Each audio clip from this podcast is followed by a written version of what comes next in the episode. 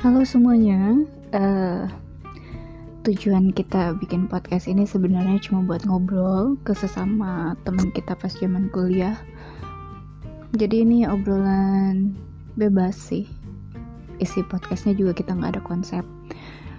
Yang mau ngobrol-ngobrol ngobrolin apa aja deh pengalaman hidup atau apa pun atau curhat-curhat colongan yang uh, confess uh, kejadian hampir 20 tahun yang lalu gitu kan ya.